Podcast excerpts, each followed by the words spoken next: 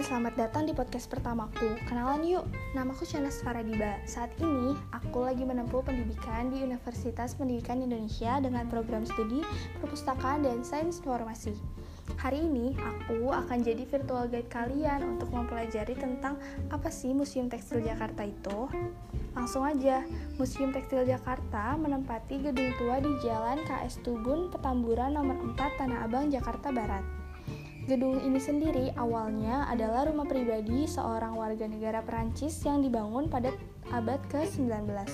Kemudian dibeli oleh konsul Turki bernama Abdul Aziz Al-Musawi Al-Katiri yang menetap di Indonesia.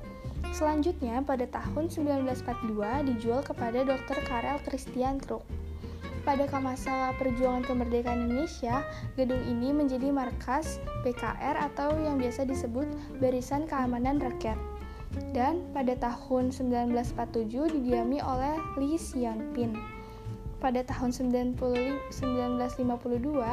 dibeli oleh Departemen Sosial dan pada tanggal 25 Oktober 1975 diserahkan kepada Pemda DKI Jakarta yang untuk kemudian pada tanggal 28 Juni 1976 diresmikan oleh Ibu Tien sebagai Museum Tekstil Jakarta. Jadi itu ya sejarah singkat mengenai Museum Tekstil Jakarta ini. Lalu apa aja sih yang bisa kita lihat di museum ini? Ya banyak banget pastinya. Kalian bisa mempelajari tentang hal-hal yang berkaitan dengan dunia pertekstilan. Di antaranya yaitu kalian bisa menemukan galeri batik. Galeri batik ini dirancang untuk menampilkan sejumlah batik kuno dan batik perkembangan dari masa ke masa.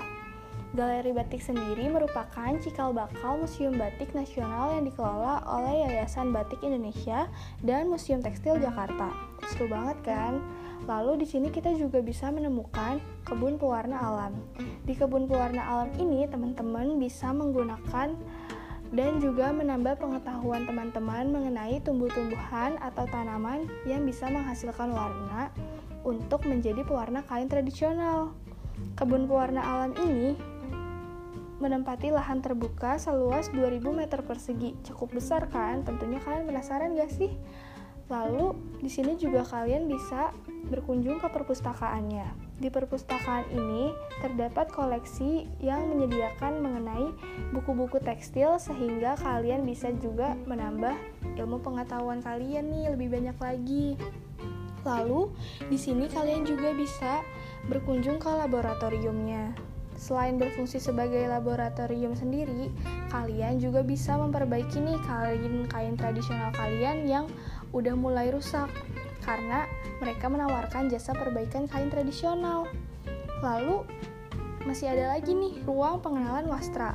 Ruang pengenalan wastra ini posisinya terletak di sebelah perpustakaan.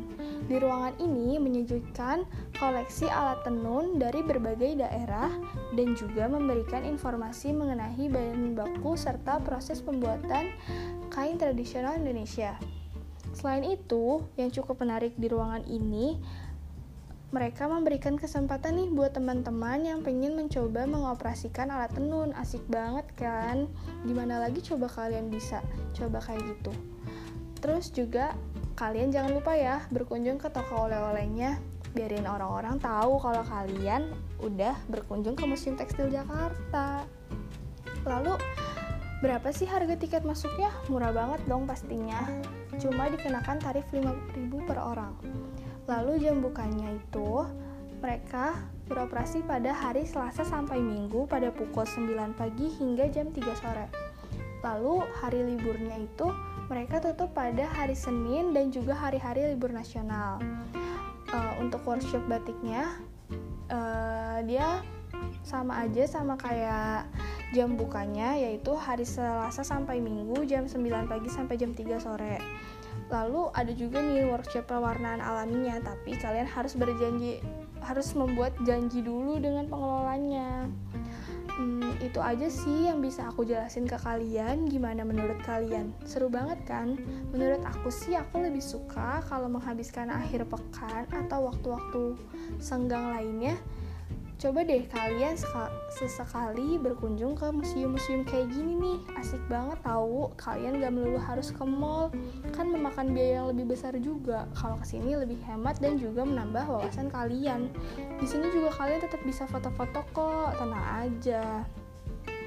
Um, itu aja sih dari podcast pertama aku kurang lebihnya mau dimaafin ya karena aku baru bikin podcast kali ini. Uh, oh iya aku lupa kasih tahu ke kalian kalau selama pandemi ini Museum Tekstil Jakarta harus ditutup terlebih dahulu untuk menjaga protokol kesehatan. Jadi kalian kalau mau ke sini tahan dulu ya semoga nanti pandeminya cepat selesai. Um, udah sih ini baru bener-bener udah ya dari podcast aku kali ini. Terima kasih buat kalian yang udah mau denger uh, aku doain semoga kalian sehat di mana pun kalian berada.